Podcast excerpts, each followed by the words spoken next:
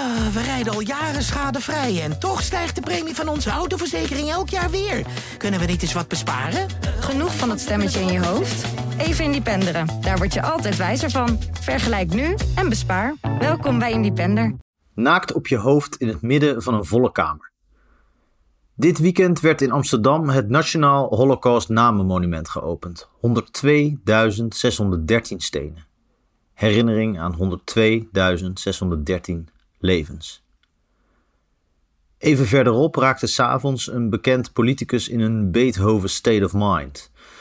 In zondagse beneveling filosofeerde Thierry Baudet op Twitter over muziek op de toon van de ongevaarlijke huiskamergeleerde die hij, wanneer het lot hem gunstiger gezind was geweest, zou zijn geworden. Grappig hoe je ziel door die muziekwereld reist, ergens aanlegt, iets leert, weer doortrekt, terugkomt, andere dingen registreert, verder zeilt. Dat je ziel ook op de woeste baren van particuliere egomanie razendsnel uit koers kan raken, werd diezelfde zondag weer eens duidelijk. Baudet fulmineerde per tweet tegen organisaties die zich uitspraken tegen de vergelijking tussen coronamaatregelen en de Holocaust. Hij slaagde er niet alleen in de zin: de oorlog is niet van jullie, maar van ons allemaal te typen, maar ook het begrip Holocaust tussen aanhalingstekens te plaatsen. Sommige mensen verzamelen foto's van onjuist geplaatste aanhalingstekens. Cafetaria het Hoekje. Interieurwinkel Marie en Jeannette. Dames wc. De meeste van die foto's bevatten aandoenlijke verschrijvingen van mensen die de ingrediënten bij de hand hebben, maar niet exact weten hoe ze die correct in een gerecht moeten verwerken.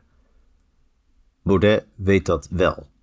Zijn aanhalingstekens enkele dagen na de aankondiging dat holocaustontkenning in de toekomst in elke vorm strafbaar zal worden, hebben met gebrek aan taalvaardigheid weinig te maken.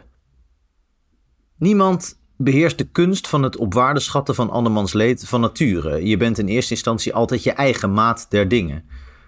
Door training leer je het allengs af, jezelf voortdurend als uitgangspunt te nemen. Maar wie stopt met trainen, verleert de vaardigheid.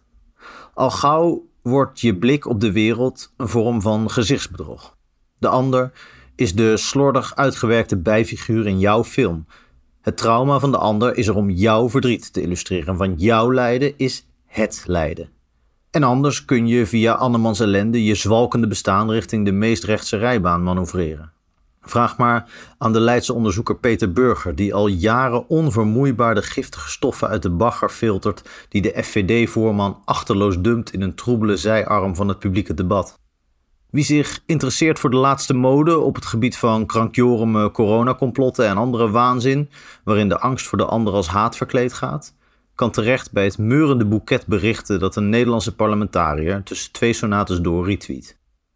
De frequentie waarmee hij allerhande bullshit verspreidt, ademt de energie van de aandachtsverslaafde die in een volle kamer voor de zoveelste keer naakt op zijn hoofd gaat staan. Eventuele collectieve verontwaardiging houdt steeds korter stand en de volgende keer zal de bijdrage nog kwalijker moeten zijn. Koester de bodem van waardigheid, schreef Roxane van Ypres deze week in Vrij Nederland in een column over de alomtegenwoordige Holocaust-herinnering in deze tijd. In het woord bodem schuilt de hoop dat het niet lager kan. En steeds opnieuw blijkt dat een illusie. En elke keer dat de bodem weer wat verder verzakt en de scheuren in het huis dat erop staat lastiger te maskeren worden, groeit de vrees dat iedereen ongewild een stapje naar beneden zet. Al was het maar door op een dag niet langer de energie op te kunnen brengen, weer verbijsterd te zijn. Ehm, past onze autoverzekering straks nog wel bij de nieuwe auto die we gaan kopen? Of kunnen we met overstappen flink besparen? Genoeg van het stemmetje in je hoofd? Even Independeren. Daar word je altijd wijzer van. Vergelijk nu en bespaar. Welkom bij Independer.